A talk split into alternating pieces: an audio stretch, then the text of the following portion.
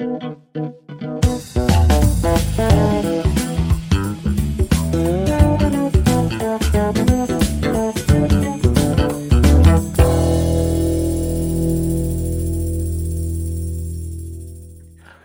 عندي آه، مشكلة مع الكتاب ده من صغير، لحد دلوقتي فاكره يعني، لحد دلوقتي فاكر لمّا كنت آه، في مصر الصوت واضح طيب؟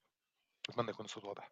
واضح، واضح آه. آه، فاكر لحد دلوقتي مظاهرات طلبة جامعة الأزهر، آآ فاكر التقفيلة بتاعة الح يعني ما أعرفش إذا كانت الناس فاكراها والّا لأ، الناس اللي كانوا عايشين في مصر الفترة دي يمكن يكونوا افتكروها، وكانت مطالبات بإقالة وزير الثقافة ساعتها كان فاروق حسني، وأياميها أعتقد السيد الرئيس حسني مبارك آه، بارك الله فيه وبارك في علاء ابنه اللي عمّال يلِب مصطفى بكري، ويا ريت يا جدعان تشوفوا مصطفى بكري حصل له إيه، لإن أنا مسعد جدًا باللي حصل لمصطفى بكري آآ على تويتر. رفض إن هو يقيل آه، فاروق حسني تمامًا، لإن دراعه ما بتلويش. آآ لمّا كبرت قريت الرواية، النص الأدبي مش ما كانش أفضل حاجة في الدنيا خالص يعني، بغض مش هاتكلم عن الموضوع الأدبي تمامًا، لإن أنا مش إحنا هنا ما أعتقدش إن إحنا جايين نتكلم على إيه ال تقييم الرواية أدبيًا، لكن فكرة إن الرواية تعمل ضجة بالطريقة دي وتعمل بعديها فتوى، أعتقد آية آية الله الخميني طلّع فتوى أهدر فيها دمه. في مترجمين كتير أوي أعتقد كان بالنسبة لهم إن هم يترجموا الرواية دي كان عبارة عن تحدي. الفكرة اللي أنا باتكلم فيها بس أنا منطلق منها إن أغلب الناس تقريبًا ما قروش الرواية. وتاني أنا قريتها وهي مستواها الأدبي زي الزفت، يعني والله ما أنا آسف يعني، بس هي مستواها الأدبي فعلًا ضعيف جدًا. الفكرة بس كانت في الثوابت، كانت إن أنت تاخد فتوى بالطريقة دي وتبدأ تتحرك. في مصر آآ الرواية لمّا نزلت مصر أعتقد كان مش فاكر التاريخ بالضبط هادوّر عليه دلوقتي وإحنا بنتكلم. آآ كان في مظاهرات في جامعة الأزهر، مظاهرات في كلية البنا في في المدينة الجامعية أعتقد للبنات تمانية والبنين. تمانية تمانية وتمانين تمانية وتمانين لأ مش 88 لا، لا، لا، كانت في التسعينات لأ، مش 88 لأ. لا، لأ خالص. أنا فاكر كويس أنا أنا ما بالتمانينات ما كنتش يعني ما لأ. هاجيب لك هاجيب لك الفترة دي وأياميها حصلت مشكلة كبيرة و حصلت مجموعة حاجات. خلّينا نتكلم على سلمان رشدي في الأول، وبعد كده نبدأ نتكلم على الناس اللي قروا الرواية، ما أعرفش ما أعتقدش إن في حد في الروم قرا الرواية، بس أغلب الناس تقريبًا قرت اللي حصل مع سلمان رشدي. طيب آآ مين سلمان رشدي؟ مبدئيًا يعني هو سير، برضه مش عارف هو سير على إيه، أو يعني خد سير في إيه، لسه باكتشف أصلًا من شوية. هو روائي وكاتب بريطاني من أصل هندي، كان عنده رواية اسمها أطفال منتصف الليل، دي قريت عنها شوية. لأ دي آآ حلوة كانت دي، دي دي لطيفة جدًا. آه. آه بس وقريت عنها شوية لطيفة جدًا. آيات شيطانية كانت برضه عملت مشاكل كتير جدًا، آآ لكن ال الكتاب في 1900 1800 1989 آآ تم إصدار آه، فتوى لاغتياله. الحكومة البريطانية من ساعتها حطّته تحت حماية الشرطة. تم انتخابه كعضو للجمعية الملكية للأدب، ودي أعلى حاجة في بريطانيا. خد وسام الفنون والأدب الفرنسي في شهر يناير في 1999. آآ أعتقد خد آه، فارس أنا كل ده باقرا طبعًا من حاجات قدّامي، آآ لو في حد عنده صحيح يا ريت يقول لي يعني. خد لقب فارس في 2007. طيب اتفضل يا أحمد أنا بس معايا تليفون وهارجع تاني، اتفضل. okay أنا الرواية عامة يا No Way أنا قريتها بالعربي في الأول آه، بص هي كانت تقيلة قوي فالترجمة كانت سخيفة والرواية كانت تقيلة قوي خدك طبعا في الأول في الرحلة في الأول لغاية ما وصل بعد كده طبعا قصة الكعبة وات ايفر يعني مش مش عايز مش عايز أخش في تفاصيلها قوي. آه، ويعني آه، طبعا ركز على آيات الغرانيق يعني من الآخر اللي هي في سورة النجم يعني. فهي رواية كانت تقيلة. آه، فأنا بصراحة بعد كده رحت قريتها بالإنجليزي الكلام ده من كام سنة. برضه ما حسيتش بالفرق برضه حسيت إنها سخيفة. بس طبعا الفتوى بتاعت الإمام الخميني طبعا يا جماعة أصل الإمام الخميني ده مش مثلا إيه آه، إمام زاوية مثلا في في مصلى في مصر ولا مسجد ولا بتاع ده راجل القائد الأعلى للثورة الإسلامية في إيران. ده يعني يعتبر رئيس دولة مسلمة كبير. لما يصدر فتوى بحاجة زي كده وتقريبا كان حاطط على رأسه 2 مليون إهدار دم و2 مليون أو 3 مليون دولار ده مأساة كبيرة. فطبعا مهما حصل مهما حصل مهما كانت الرواية مثلا آه، آه، يعني آه، أنا أنا ضد ضد يعني لو هي فن ثقيل فيها مثلا إهانة دايركت مثلا لأحد مقدسات المسلمين ما ينفعش إن مثلا رئي- رئيس دولة كبيرة مثلا في إيران رئيس دولة رئيس يعتبر رئيس دولة كبيرة يعني يصدر مثلا فتوى إن هو يقتلها. دلوقتي أعتقد الرواية طبعا بعد الحادثة الأخيرة اللي حصلت في نيويورك هتنتشر أكتر وتتقري أكتر ويبقى وروايات سلمان رشدي تتقري أكتر. طبعا جاء واحد بعد كام؟ بعد إصدار الفتوى بحوالي كام سنة؟ أكتر من 30 سنة يمكن. 30 سنة أو حاجة و30 سنة يروح عامل الموضوع وعايز يقتل سلمان رشدي مهما كانت الرواية ثقيلة أو مش ظريفة أو سخيفة أو أي حد شايفها بطريقة أو واحد شايفها إبداع أو واقعية سحرية whatever آه، ففي الحالة دي ما ينفعش واحد زي ده يعمل آه، يعمل يرتكب مثلا حاجة حمقاء زي كده. بس هنرجع ونقول ما هو ده آه، بي- بينفذ فتوى ال- المرشد الأعلى للثورة الإسلامية في إيران. وده مش راجل يعني مش راجل زي ما أنا قلت مش زي إمام زاوية في مسجد إيه سلمان رشدي زي ما أنت قلت بريطاني من أصل هندي.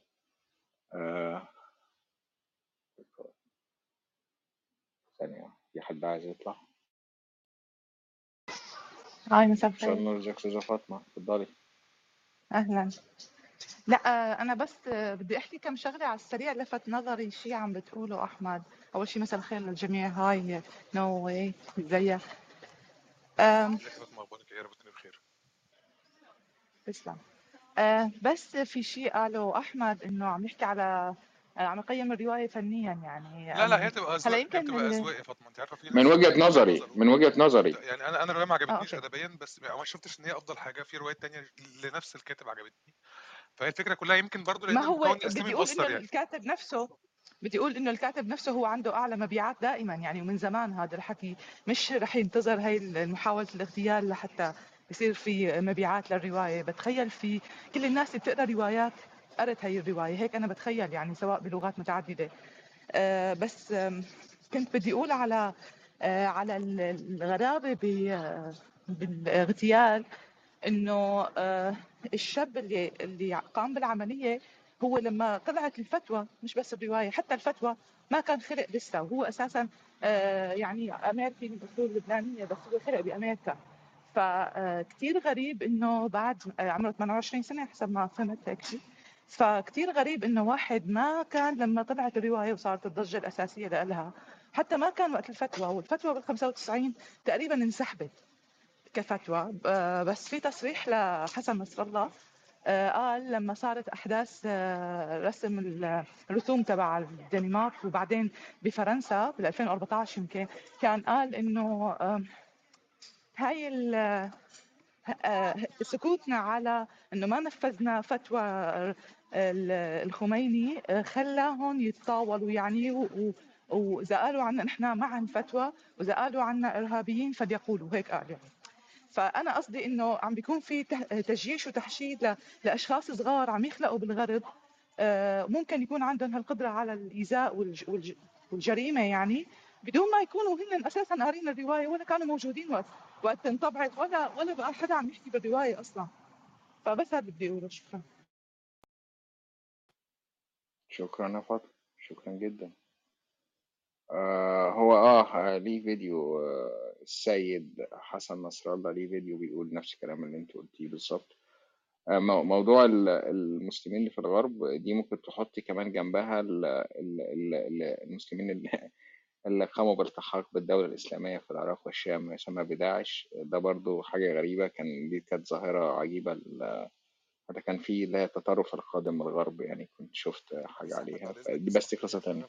صوتك واطي شوية نور بقول لك سمحت لي ممكن أشغل حاجة بسيطة كده؟ اتفضل. طيب. ونفذ فتوى لو قام مسلم ونفذ فتوى الإمام الخميني بالمرتد سلمان رشدي لما تجرأ هؤلاء السفرة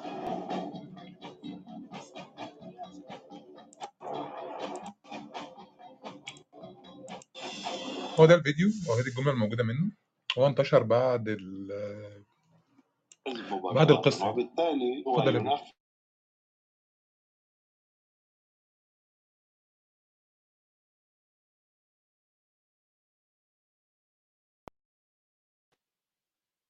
أيوه يا شيماء إزيك؟ هاي إزيك يا أحمد؟ إزيك يا نوي آآ أنا بس كنت طالعة أقول إنه آمم لمّا حصلت لمّا اتكتب الكتاب الوقت اللي صدر فيه الكتاب آمم لمّا الخميني عمل الفتوى، الأزهر طلع بفتوى والمرزوقي طلع و والمرزوقي اللي هو كان بقى رئيس الجمهورية في تونس كان ساعتها مفكر وكاتب إسلامي، آآ actually طلعوا بفتوى إن كلام الخميني غلط وإن هو مش المفروض يتقتل وال وإنجلترا هنا فاكرة الفتاوي دي كويس أوي وفخورة بيها، حتى الفتوى بتاعة الأزهر دي استعملتها جامد. كان أنا مش بصراحة مش فاكرة مين كان شيخ الأزهر ساعتها، آآ بس هُم يعني يعني كانوا بيتكلموا ضد الخميني، أنا ما أعرفش هُم ليه طلعوا بالفتوى دي، هل عشان هُم كانوا ضد إيران ساعتها؟ ولكن الغرب كله كان معتمد على الفتوى بتاعة الأزهر والمرزوقي لإنه جه إنجلترا ونزّل مقال كبير وقال إن المفروض من حق الناس إنها تنقد، وكتاب يعني أ أنا في مش في رأيي على فكرة يعني هو الرأي العام بيقول إن أصلًا المشكلة مع سلمان رشدي شخصية بينه وبين الخميني لإنه انتقد الخميني،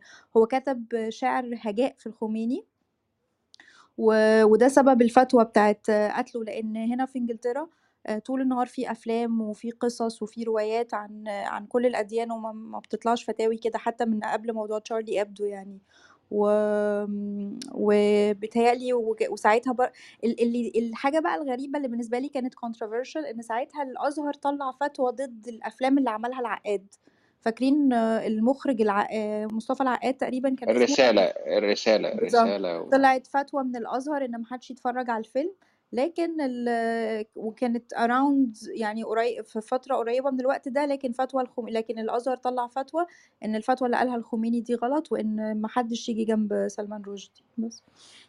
طيب آآ أنا بس هاعمل نظام لطيف في الأوضة دي كده إن شاء الله ز أهلًا بكل الأصدقاء الموجودين تحت وفوق. الشخص اللي هيقول حاجة هيخلّص وهينزل، بعد كده هيطلع حد هيخلّص وهينزل.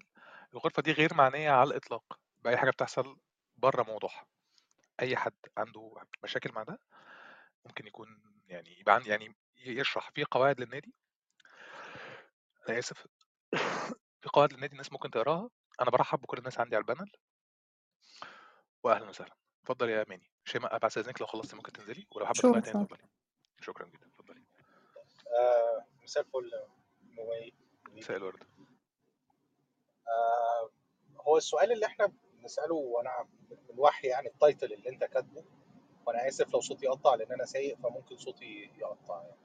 آآ السؤال دلوقتي، هل في كل مرّة كان بيحصل آآ عقاب من مجموعة من المتطرفين آآ الإسلامويين لقتل أو محاولة قتل أو محاولة اغتيال شخصية آآ من وجهة نظرهم هي قامت بإصدراء شيء مقدس في الدين الإسلامي؟ هل ده كان حل ناجع؟ هل ده فعلًا أوقف حرية التعبير من إن هي تشتغل، من إن الناس تزدري أو إن هي تطلّع آآ كلام صعب؟ اللي إحنا شايفينه إن هو لأ، آه ممكن تكون إن أنت أسكتّ بعض الناس خوفًا من إن هم خوفًا على حياتهم، بس واقع الأمر أنت مش هتقدر إن أنت تسكت كل الناس، بالعكس أنت ممكن تخلق حالة من العِند و وإن الآخر يبُص لك بنظرة إن أنت شخص عنيف، أنت شخص إرهابي، وتبتدي إن أنت آآ ب بتغذّي الخطاب ال الإسلاموفوبيا. يعني أنت أنت بتحط كده أنت بتحط نفسك في حتّة إن اللي بيخط بيقول عليك إن أنت إرهابي، تطلع أنت تقول عليه إن هو لأ ده أنت عندك إسلاموفوبيا، فتحصل بعد كده إن هو يزدريك فأنت تطلع تقتله، فهي دايرة ملعونة عمّالة بتكمّل وللأسف نهايتها مش لطيف، نهايتها بيبقى دم على الأرض، نهايتها آآ بتبقى دين بيتم تحقيره أو نظرة إليه بنظرة سيئة بسبب مجموعة من المعاتيه، أنا باشوف إن الناس اللي بتلجأ للحلول العنيفة دي من مجموعة من المعاتيه يعني. في حين إن هو في حل تاني بسيط خالص، الحل ده هو التجاهل.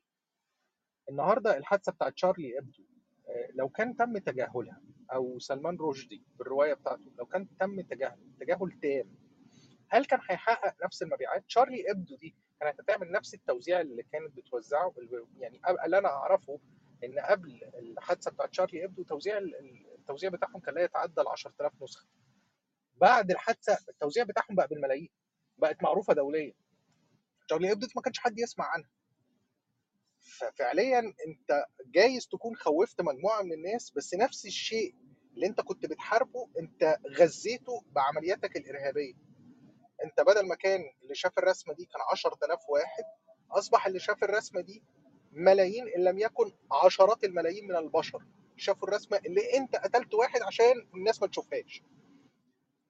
فأنا بستغرب جدا من الناس ال- أو حتى الإسلامويين اللي بيطلعوا إن هم يبيحوا دم الناس أو يبيحوا فتاوى ال- القتل سواء بقى زي القاعدة لما بتطلع فتاوى بإباحة دم حد أو الخميني لما طلع فتوى بهدر دم سلمان رشدي. أنا بستغرب عن ال logic اللي هم بيفكروا فيه. يعني ده ضد مصلحتك المباشرة كشخص كفكر كإيديولوجية.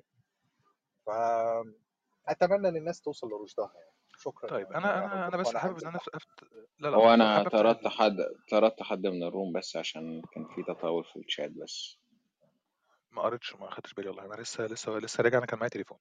طيب خلينا أقول شوية حاجات آه، طيب. okay.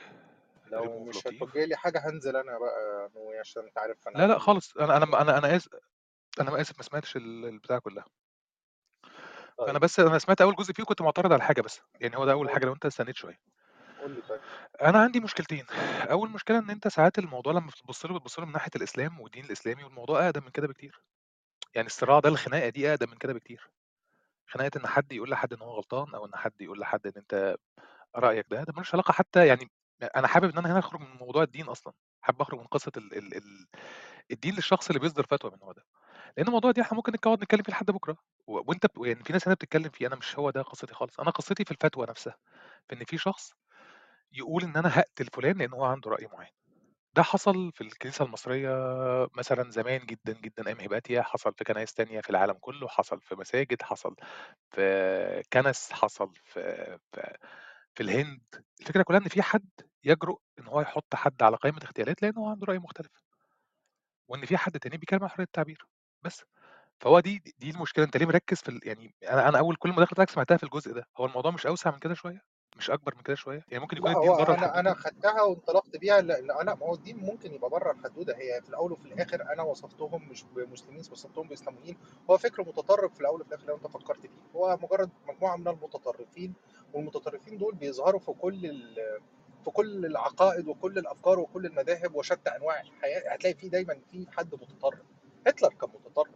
the end of لما تيجي تبص له اللي عمله مع اليهود هو ما كانوا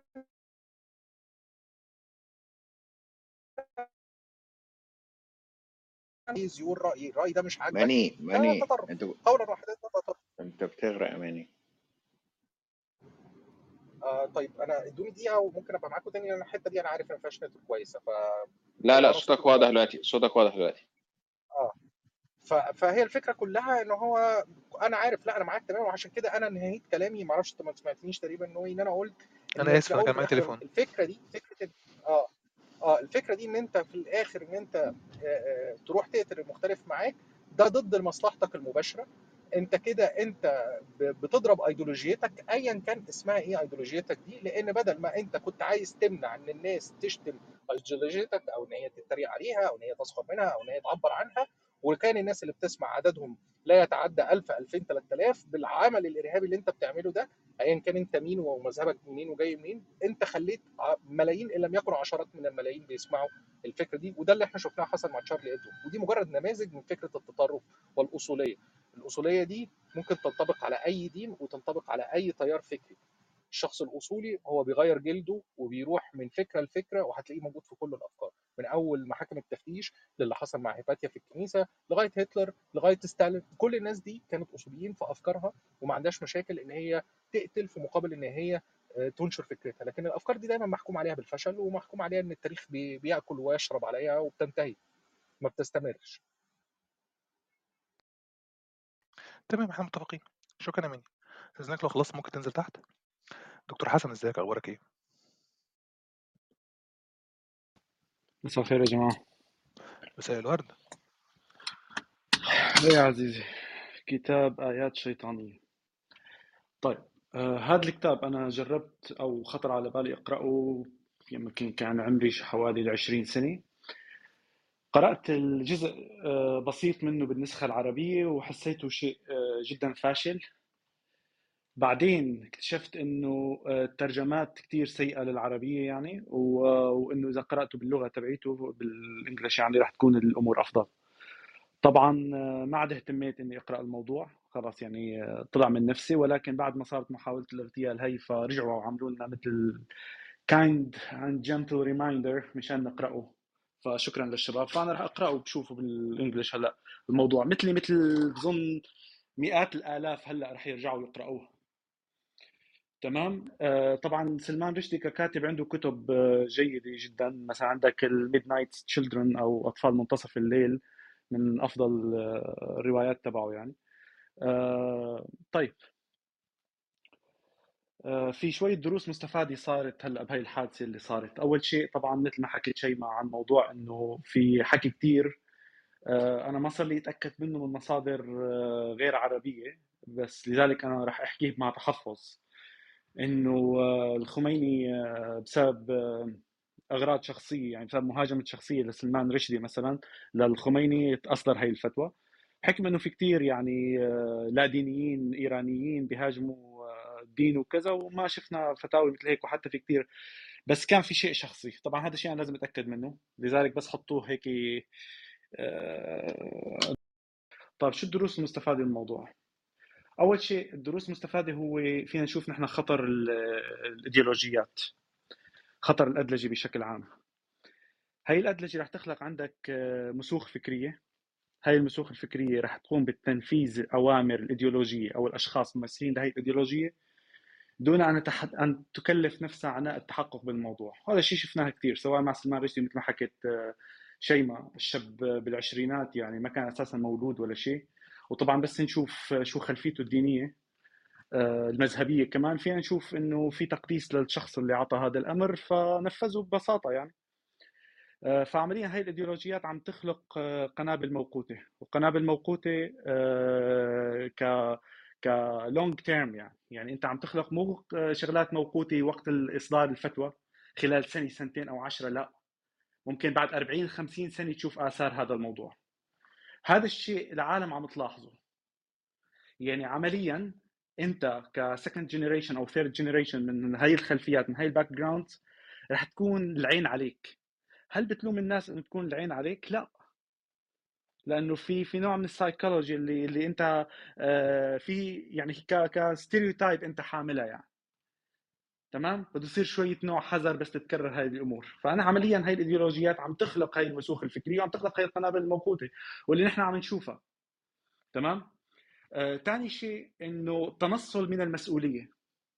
يعني عمليا نحن شفنا شغلات يعني اذا ناخذ هيك مثل آه، ديمو صغيرة صارت على الكلب هاوس مثلا.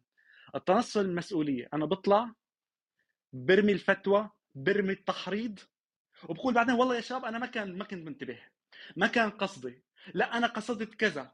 أنا مو مسؤول عن النتائج. طيب يلا okay أنا رح أطلع بعد بعد جمعتين ثلاثة أعمل disclaimer ليش؟ مشان ما أكون مسؤول عن الشغلات اللي بتصير، بعد أنا بكون رميت كرة الثلج وكرة الثلج صارت تشيل الناس أنا بيطلع اتنصل مسؤولياتي. ممكن هاي الفتوى ما ندرس شيء بالمجتمع على ال scale الكبير. نطلع على scales صغيرة. يعني لما بدي أعمل trial ما بيجي على مجتمع مكون من 60 70 مليون أو 100 مليون واحد بيجي باخذ عينة وبدرسها. تمام؟ بشوف آلية التفكير وطريقة التفكير. فأنا حقي أعطي scales مختلفة وأنا عم أعطي مثال مثال صار معنا ومثال كذا. إنه أنت التنصل صحيح بس هو في الآخر أنت عندك أنت عندك مثال حقيقي اللي هو بتاع موضوع الغرفة بتاع سلمان رشدي. ما هو ممكن نتكلم في المثال ده حسب ستك عايشه يا No؟ لا والله للأسف. ولا ستي ولا جدي ولا أبويا طيب، برحمة برحمة ستك خليني أكمل. okay؟ اتفضل حسن. لا تقاطع. طيب عرفت شكرا. اذا نحن عندنا scales مختلفة. تنصل من المسؤوليات نحن فينا نشوف على scales مختلفة. إما واحد بيطلع بيرمي الكلمة وبيترك الناس تنفذها وبعدين هو بيتنصل منها. على سبيل المثال والله ليك أنا بطلع بهدر دم هذا الشخص أو بحكي شيء بخلي بحرض على هذا الشخص وبعدين اخلي الناس يلا تنفذ وأنا بقول أنا ما لي علاقة. شاب ما كنت منتبه sorry كنت نايم أو مثل ما قال تبع تشيرنوبل sorry I was in the toilet يعني. okay؟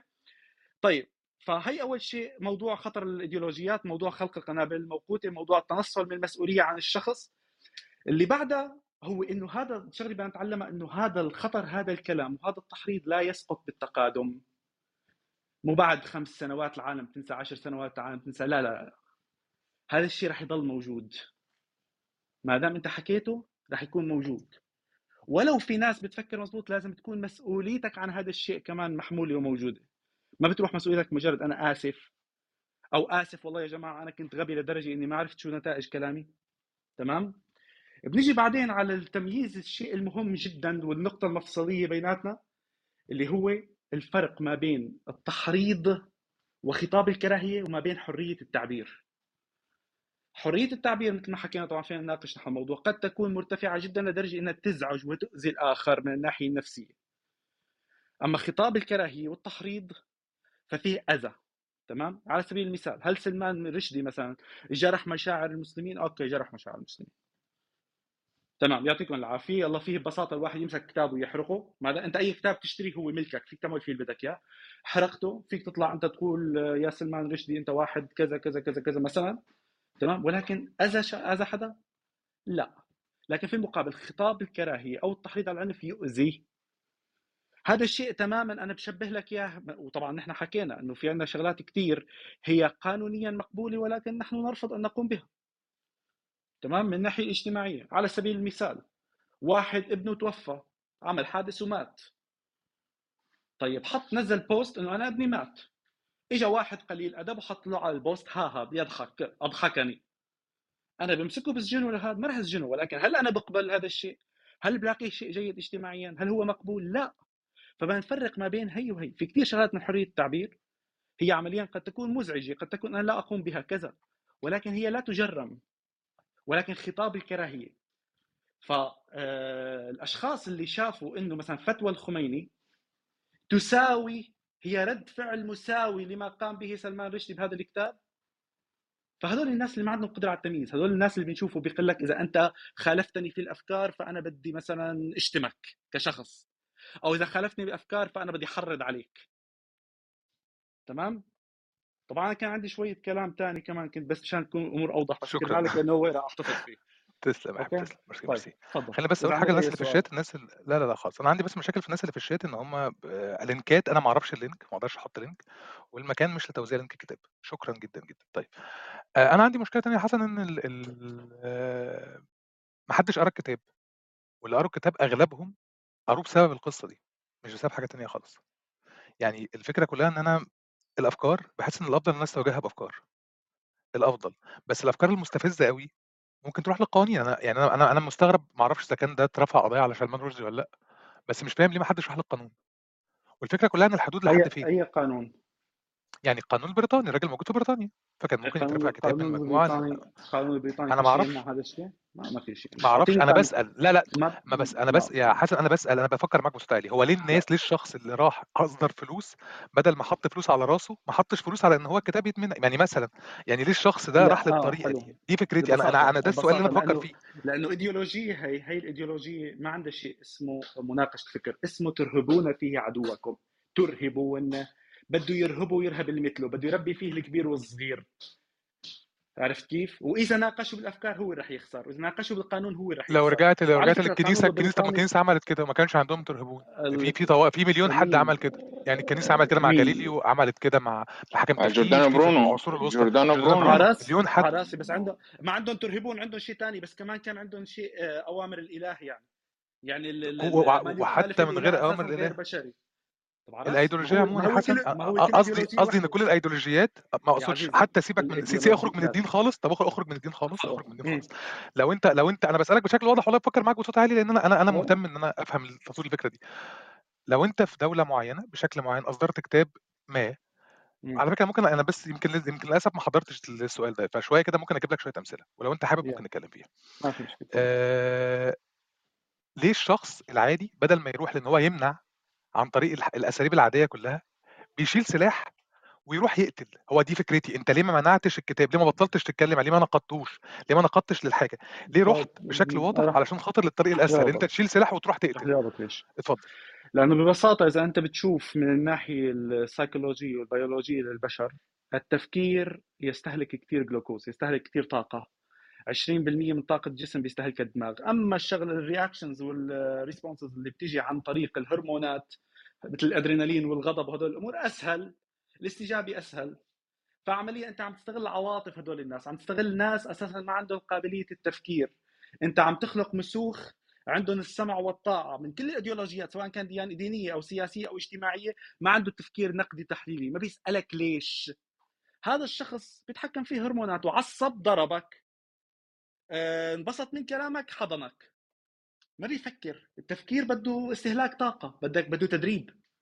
فببساطة هي هي هي الإشكالية. هي اللي قلت لك أنا القنابل الموقوتة. عرفت كيف؟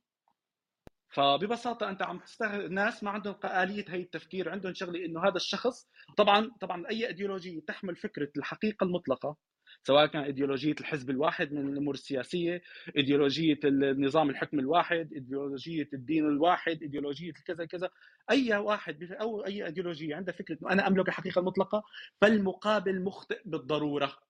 وهذا المخطئ إذا كان يترتب على خطأ وتجريده من حقوقه المدنية بالأمور السياسية أو تجريده من حقوقه الإنسانية بالأمور الدينية فهو لا يستحق الحياة أساسا فقتله مثل قتل أي شيء آخر. لذلك نرى البعض بيقول لك أنتم أقل من الحيوانات. وهي عملية الديهيومنايزيشن اللي حكينا عنها. لما كنا نقول إنه كلمة أنتم أقل من الحيوانات اللي كان يستخدمها النازيين وبعض المناهج الدينية وكذا هي دي هيومنايزيشن نزع الإنسانية بحيث يصبح الآخر يستسهل أن أن يقتله لأنه أساسا ما له إنسان لحتى يزعل عليه في وجهة نظره فهي أنت عم تخلق مسوخ فكرية عم تخلق قنابل عم تخلق قتلة عم تخلق مجرمين ناطرين الأمر إنه يقتلوا. ببساطة. شكرا يا حسن. شكرا يا أهلا وسهلا. شكرا شكرا استاذنك لو سمحت بس لو أنت خلصت مداخلتك لو سمحت ممكن تنزل تحت بعد اذنك شكرا جدا. ميرسي. خديجة. أنا صوتي مسموع؟ أنت صوتك مسموع أنا الناس كلها بتتخانق معايا في الشات أصلا عشان خاطر الناس كلها جمهور الجيم قفلت لهم الشات عشان ما حدش لا يشتمك ولا حد يحييكي. فنبقى اختصرنا طيب. القصة كده. اتفضلي يا فندم. طيب تمام. آه، أنا بس عايزة أقول إن كان في خبر إمبارح نزل آه، مذيعة لبن... صحفية لبنانية اسمها تقريبا ديما آه، قالت هي نزلت تويته على تويتر آه، حطت صورة الخميني مع مع القاسم سليماني وكتبت فوقها آيات شيطانية. البنت طلعت بعدها قالت إن جالها تهديدات باغتصاب والقتل كتير جدا. بسبب بس إنها حطت الصورة دي. هي اسمها هقولكوا بالظبط عشان يعني نبقى موجودين. آه اسمها آه، ديما سلماني. آه، المهم يعني إن آه، هي الفكرة هنا إن الناس بتربط يعني مثلا سي شخص مثلا كتب كتاب فإحنا لو هددناه بالقتل أو قتلناه فالموضوع هينتهي. هينتهي من على- من على الوجود. يعني كده إحنا خلاص إحنا كان في أزمة والأزمة خلصناها بإن إحنا نقتل الشخص ده. مش عارفين إن مثلا إن الشخص ده اللي بيقول الكلام ده ممكن يبقى فيه آلاف الأشخاص غيره آه يعني يقولوه برضو عادي جدا ولما مثلا حد يتقتل فالكلام مش هينتهي ولا يخلص عادي جدا. في ناس تانية ممكن تقول نفس الكلام عشان هي مش فكرة اوريجينال ولا حاجة. يعني فكرة إن حد آه، ينتقد ال- الأديان أو أو أو أو الناس تشوفها ازدراء بحد بشكل أو بآخر يعني حاجة موجودة من زمان جدا. فهل مثلا أما بيقتلوا حد مثلا بيقول كلام مختلف عنهم هل مثلا قبل كده الموضوع ده انتهى؟ لا خالص يعني. بيطلع ناس تانية يتكلموا في نفس الكلام أو كلام مختلف أو كلام أصعب وبيحصل هجوم مضاد فما ما بينتهيش في حاجة في الآخر يعني. محدش بيكسب حاجة ولا ولا المسلمين بيكسبوا اللي هم المسلمين اللي بيهددوا. آه سوري البنت اسمها ديما صادق أنا آسفة اتلخبطت ديما صادق والبنت جالها تهديدات من حزب الله. دي بس لمجرد إنها نشرت تويته أنا مش بتكلم انها بقى كتبت كتاب أو اي أي حاجة. نشرت تويته فيها صورة الخميني وكتبت فوقها آيات شيطانية. فالبنت جالها تهديدات من حزب الله وفي تهديدات جات لها بالقتل والاغتصاب. يعني هم شايفين الموضوع بشع لدرجة إن بس مجرد تويتة بسيطة فيها صورة واحد ومكتوب عليها اسم الكتاب إن ده بيهدد. آه، لو أنت عايز ال link ممكن أبعته لك. يا ريت يا ريت. لا آه كملي أنا آه أوكي. آه هبعت لك ال link بتاع المقال اللي بيقول كده. حاضر أما أخلص. المهم يعني شايفين بس ان مجرد بس صورة كده محطوطة لل- للخميني وفوقها الكلام ده ده كلام يهدد أمنهم وأمانهم وإن البنت تستحق إنها تت- تتهدد بالقتل. ده غير إن أنا عرفت أصلا لما دورت إن كان في مترجم ياباني سنة 1991 تقريبا اتقتل بسبب بس إن هو ترجم الكتاب ده. بس مش أكتر. والكتاب أصلا كده كده هو مثلا ولا قوي جدا لغويا ولا مثلا أفشخ قصة في العالم ولا أي حاجة خالص ده عادي كتاب يعني ممكن يكون متوسط أو أقل من المتوسط. بس ده مجرد إن هو في انتقاد لفكرة معينة الناس يعني هاجت وماجت وبدأت تهدد الناس بالقتل. ف... فأنا بس أنا نقطتي واعتراضي هنا هل قتل الشخص اللي بيتكلم في حاجة زي دي عمره نهى الموضوع مثلا؟ في ناس كتير اتقتلت بسبب أفكارها. في ناس تانية بتطلع وتتكلم في نفس الأفكار وممكن يبقى أصلا في هجوم أكبر من الناس المختلفة. فأنا مش شايفة إن دي حاجة بتحل حاجة الصراحة يعني. وإن ست تتم تهديدها بالاغتصاب والقتل لمجرد إنها بس تنشر تنشر صورة زي دي يعني الموضوع حزين جدا الصراحة. ويعني يعني حتى دي مش كد... مش اللي كاتبة الكتاب ولا حاجة يعني دي صورة دي تويته فانا هنزل نفسي you know why وهبعت لك ال link لو أنت عايز تحطه فوق. شكرا جدا. أنا هحط شكرا. ال link هحط كمان شوية قناة التليجرام عشان خاطر ال- الناس تمام. المهتمه بالحاجة هبعتها لك. شكرا شكرا شكرا. طيب خليني بس أقول شوية حاجات بسيطة كده عشان خاطر الناس اللي عمالين يبعتوا على ال back channel أنا هطلع الناس اللي عايز تطلع حاضر بالترتيب كده. بس في شوية حاجات يمكن عندها فيها شوية خلط كده. آه، في فرق بين الخطاب اللي بيقول إنك تقتل وبين الدين اللي أنت بتعبد بيه. لو الاثنين بقوا نفس الحاجة فإحنا كلنا عندنا مشكلة. بقينا كلنا عندنا مشكلة كبيرة يعني. فلما حد ينتقد الخطاب اللي بيتكلم على فتوى القتل بشكل واضح من شخص في مكان ما مش معناه بينتقد الدين. أرجو الناس تراعي دي. تاني حاجة الناس لما بعتوا على ال back channel عشان خاطر معترضين على حاجات معينة ومعترضين على طلوع ناس معينة آه شكرا جدا. منورين يا جماعة. ولو هم حابين يطلعوا ممكن يرفعوا إيديهم. أستاذة فاطمة حضرتك عندك مداخلة تانية ولا ممكن أسمع أنور؟ أنت دخلتي قبل كده. ممكن تخليكي معانا هسمعك تاني إذا سمحتي وأسمع أنور. أعتقد ده صوت مختلف. ازيك يا انور أخبارك إيه؟ يا رب تكون بخير. انور حياك الله. مية هلا. شكرا جزيلا. 100 هلا. أه تعليقا أه لو عندك سؤال تسألني أو أعلق على لا لا خالص. أنا الموضوع. أنا الموضوع كله كان عندي فيه زي ما قلت لك فيه التباس ال إن ال- فتوى القتل عموما بيبقى فيها مشاكل. يعني فتوى القتل بشكل عام فيها مشكلة إن ما بتنهيش حاجة.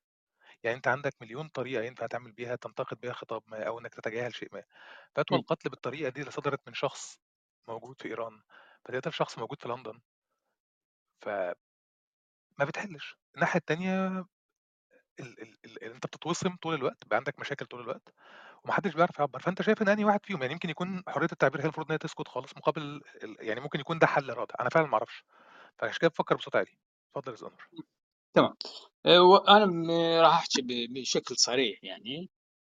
أه وب- وبادب بالنسبة أه للموضوع عن يعني بغض النظر أه من اللي فتى أو ما فتى إحنا بالنسبة لنا هذا موضوع مقدس. يعني أه قبل كم يوم كنا نناقش شخص ب- بأدب ملحد وفجأة شتمني وبأبشع الألفاظ وشتم نبيي.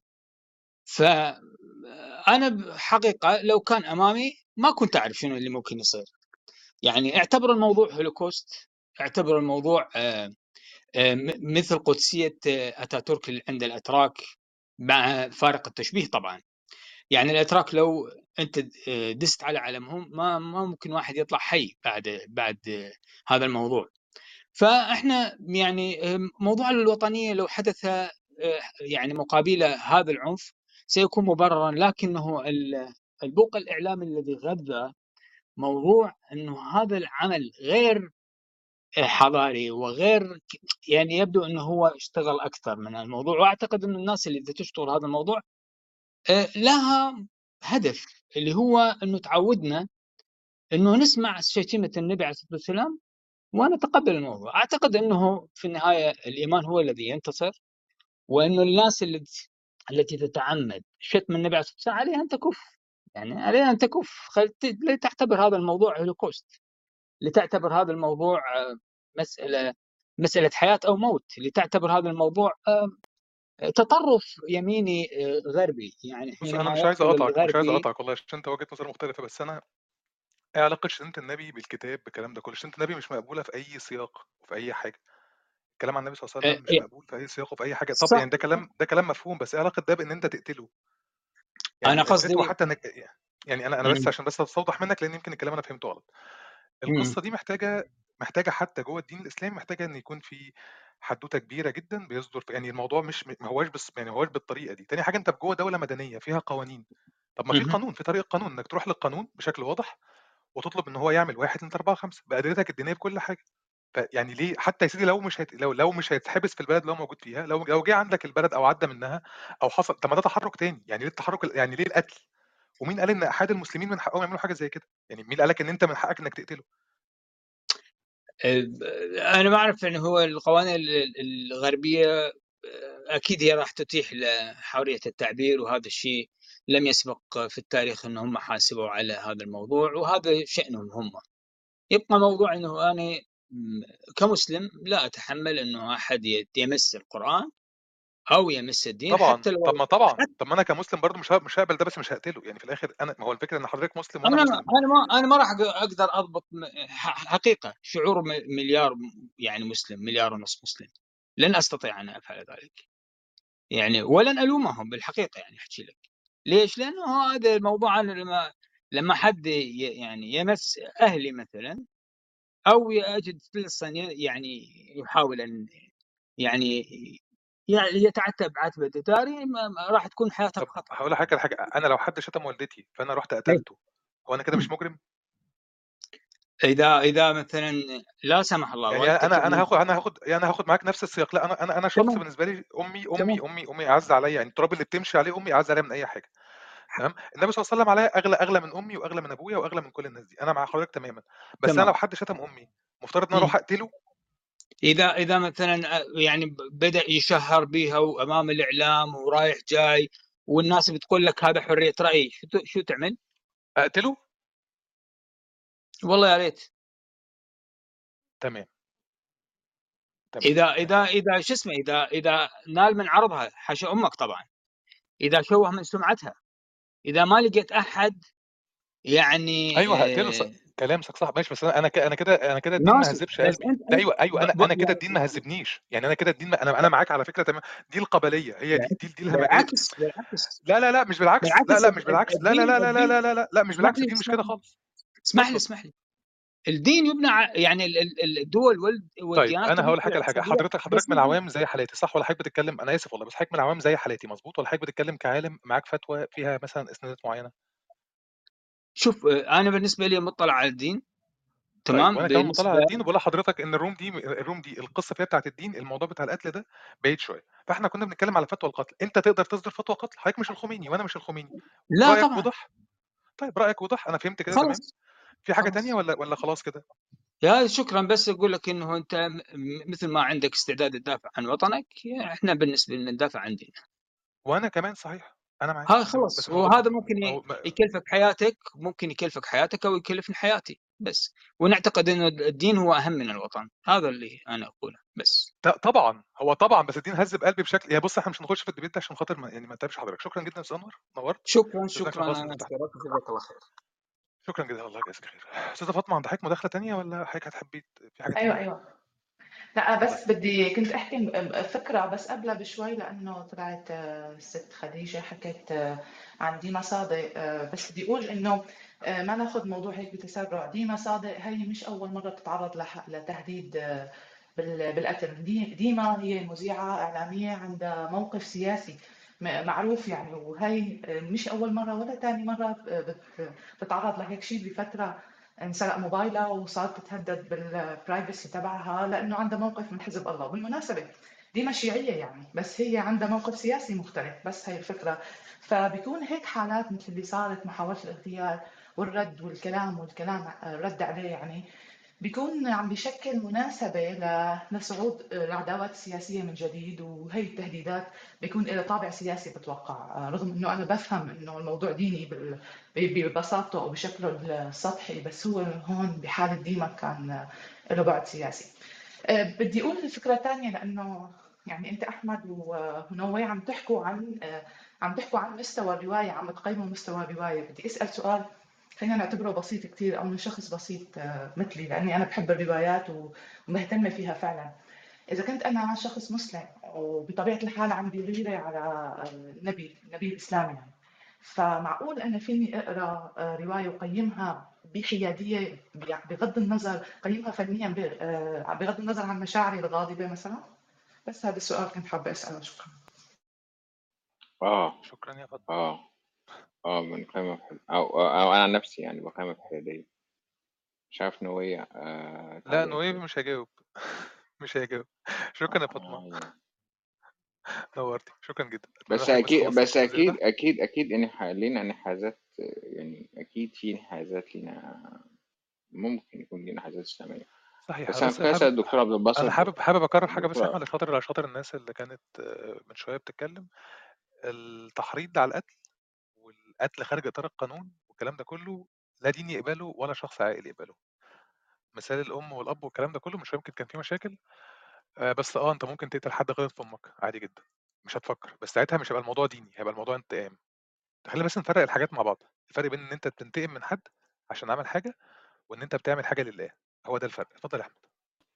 أنا أنا بما إن دكتور عبد الباسط موجود فأنا فاكر في كتاب نقد خطاب الدين دكتور عبد الباسط لدكتور ناصر محمد أبو زيد آه، كان يعني هو دافع عن حق سلمان رشدي في كتاب آيات شيطانية وتعرض لانتقاد جامد جدا من دكتور محمد عمارة وغيره على إن هو دعمه لسلمان رشدي. لو حضرتك تفتكر في الكتاب نفسه نقد الخطاب الديني أعتقد كان في الجزء الثاني المحور الثاني في الكتاب لو حضرتك متذكر. اتفضل دكتور عبد الباسط. والله تحياتي أولا وأنا حابب بس أبدأ من نقطة. في هل الدين آه، بيحرض أو إن يعني الدين الدين مش هيقبل إن آه، إن يبقى في تحريض على القتل أو العبارة اللي قالها نوي الأخيرة يعني هيرجع تاني نفس القضية. هو إيه الدين؟ يعني أنا هعرض رأي أنا مختلف معاه بس هعرضه. إحنا عندنا دلوقتي آه، ده مش رأي. اللي أنا هعرضه ده مش رأي. هل قتل سلمان رشدي مشروع ومأمور به فقهيا؟ مأمور به ومشروع. طيب لما يجي واحد يقتله هو بيفتات على حق الحاكم. ده ده جزء من الفقه أو المدونة الفقهية أو اللي أنت ممكن نقول عليه شريعة. واللي هو في بعض عقل كثير من الناس هو الدين إن هو عنده الفقه أو ما قام به الفقهاء أو من استنباط أحكام هو ده الدين. إذا كان ده مفهومه الدين يبقى الدين بيديله هذا الحق. ويبقى الإشكالية كلها إنه افتات على حق الدولة. وهو ده نفس تعبير أو ما قاله الشيخ محمد الغزالي في آه، قتل آه، المفكر رحمة الله عليه آه، لا في قتل الشهاده بتاعته آه فرق في موضوع آه في موضوع فرق وهو نفس اللي قاله والد حازم أبو إسماعيل هو صلاح أبو إسماعيل. في كتابه في كتاب له خرج بعد كده هي شهادة طويلة خدت حوالي 16 ساعة. المحكمة سمعتها على ثلاث أيام. لما كان بيقول إن قتل السادات مشروع وكان بيقول لأنه يرى إن هو أتى ما يخالف الإسلام. وإذا أتى ما يخالف الإسلام سواء ومنه سب النبي منه سب القرآن فيجوز قتله. فكرة إهدار الدم فكرة إهدار الدم يعني أصبح دم فلان ده حلال آه، دم فلان ده لا قيمة له. ده موجود في الفقه موجود في الفقه. موجود في الشريعة بمعنى الفقه موجود في الشريعة بمعنى الفقه. بس عشان نضع الأمور في نصابها لما أجي النهارده أتجاهل ده وأقول إن اللي عمل ده شخص مجنون أو شخص لا يعرف عنه الإسلام أو الدين أو الفقه شيء لا هذا الطرح غير دقيق. هذا موجود. طب هم دول بيأسسوا لده بحديث صحيح في البخاري؟ بيأسسوا ده لحديث صحيح في البخاري؟ يعني من اللي هو تم التأسيس بيه؟ في في- حديث ناس كتير عارفاه في أنا بس عندي قضية عندي سؤال يا دكتور عباسط ماشي لو خدت على استقامته بس هو ينفع في شخص حتى من الأحاد أو عالم يفتي بالقتل ولا ده الموضوع ده بيبقى فيه حدوتة؟ يعني هل ينفع لا بني آدم هو لا يفتي لا بده؟ سلم أنا النهارده هفترض إن أنا النهارده في جهة هتفتي هي أول حاجة ما بلاش كلمة جهة نقول فرد لأن الجهات هتبقى تبع المؤسسات تبع حكومتها يعني أنا النهارده هفترض ان هفترض إن أنا النهارده مثلا أنا اعيش في دولة آه، هذه الحكومة مثلا قد تكون طالبان هتفتي بإنه لابد إن هذا دم مهدر يقتل. آه، لو أنا النهارده بعيش في حكومة مثلا زي الدولة الحكومة المصرية مش عمر عمر الأزهر ما يفتي بده ولا دوله الاسلام تفتي بده. فطيب النهارده على مستوى الأفراد هيفتوا بده بس بيقول له حاجة واحدة بيقول له يا حبيبي دي مش سلطتك أنت كده بتفتت على حق الدولة. ففكره إن أنا النهارده لو رجعت مثلا حاجة زي الموسوعة الفقهية الكويتية ودي موجودة يا جماعة على الإنترنت أي حد ممكن يرجع لها. وهرجع النهارده أشوف تأصيل الحكم ماذا قال فيه الفقهاء القدامى؟ وأرجع مثلا لحاجة زي إسلام ويب يعني إسلام ويب مثلا أو أي موقع ممكن من المواقع سواء كان اللي تم تأسيسها سلفيا أو كذا وشوف الناس بيقولوا إيه في شرح الحكم. فأنا النهارده لابد أعترف بالمشكلة. أنا ده في تصوري. أعترف إن الفقه وإن آه، الفقه استنادا لخبر في صحيح البخاري مسند إلى النبي صلى الله عليه وسلم آه، أجاز آه، أن من يسب النبي يسب القرآن من يحتقر المقدس دمه مهدر يقتل. وبعد كده جم قالوا إحنا عايزين ننظم الموضوع لأن الموضوع هيبقى فيه فوضى. هيبقى فيه فوضى قتل على فكرة بنفس المنظر ده كده. فهم حبوا يعملوا عليها كنترول فقال لك إن ده هيبقى افتاءات على حق الحاكم. فبلاش يا عم تقتله عشان انت كده بتفتات على حق الحاكم وده حق للحاكم أو للسلطة السياسية مش ليك. فبيبقى النهارده نيجي هيجي نفس شهادة الشيخ محمد الغزالي إن هم ما فعلوه إيه هو فقط افتاءات على حق الحاكم. فإزاي تطبق عليهم القصاص أو القتل؟ هي دي بقى النقطة التأسيسية المهمة. اللي إحنا بنقوله ده أنا آسف نقطة حضرتك حضرتك آه، شهادة الشيخ العلواني لما اتكلم على القصة دي. هو أنا مش عايز بس أروح في التفصيله دي بس الشيخ العلواني قال إن الشيخ الغزالي عنده رأي مختلف تماما في موضوع الرده وفي موضوع الحد وتطبيقه لكن هو في الفترة دي كان بيتكلم عشان يدافع على الشباب. ما أعرفش إذا كان حضرتك سمعت الرأي ده ولا لأ. أنا أنا قرأت شغل أنا قرأت شغل الشيخ محمد كله في الموضوع الشيخ الغزالي وعندي النص بتاع شهادته كلها و... وعندي نص الشيخ صلاح أبو إسماعيل معايا برضو اللي هو لما كان في قضية السادات تمام. وقال إن السادات كافر وكان بيؤصل فكلاهما عمل عملية التأصيل في فاللي أنا بحاول أقربها أو أوجزها هنا. طب أنا قلت الكلام ده أنا مؤيد الكلام ده أنا مش مؤيد الكلام ده. وهنا عشان نرجع تاني نواجه نفسنا بصراحة. الفقه منجز إنساني. له بعد تاريخي له بعد تاريخي. يتم دراسته في سياق تاريخ التشريع يدرس في تاريخ التشريع. نلاقي في حاجات كويسة نس- نستفيد منها. حاجات مش كويسة نعترف بيها. زي ما أنا بقول دلوقتي يا جماعة ده موجود. لكن طول ما أنا سايبه في دائرة الشريعة أو ما يطلق عليه الدين أو المقدس تظل المشكلة. فما حدث هو تجلي من هذه التجليات. وارجع تاني أقول يا جماعة ده القانون ده ممارسة متطورة. هذا القانون مرتبط بحاجة اسمها مواطنة. المواطنة دي مرتبطة بمفهوم مهم جدا مفهومين مهمين جدا. ما كانوش موجودين مع المدونة الفقهية القديمة ومش موجودين في الدولة القديمة. اللي هم يا جماعة حاجتين إحنا جداد لازم نعترف ان هم جداد. حاجة اسمها الحرية الاجتماعية وحاجة اسمها حرية التعبير. قيمة حرية التعبير هل وجدت في في تراثنا؟ لا مش وجدت في تراثنا كان في حدود مش اسمها حرية التعبير. حرية التعبير كممارسة حديثة مرتبطة بالدولة الحديثة وبإن إحنا النهارده أنا مواطن وأنت مواطن فأنا النهارده هفترض إن سين من الناس بيعبد الشيطان وإن عين من الناس بيعبد الله عز وجل. إزاي أنا النهارده في دولة هسمح بحرية التعبير دون ازدراء مثلا؟ لازم يبقى في قانون طبعا ولازم يبقى في خطوط. أنا مؤكد في ده. وبحترم ده ولا سيما في المجتمعات الحديثة عهد بحرية التعبير. مش هتبقى الموضوع سداح احمد يعني بس في نفس الوقت ما ينفعش أحط خطوط حمراء على الفاضي وعلى المليان.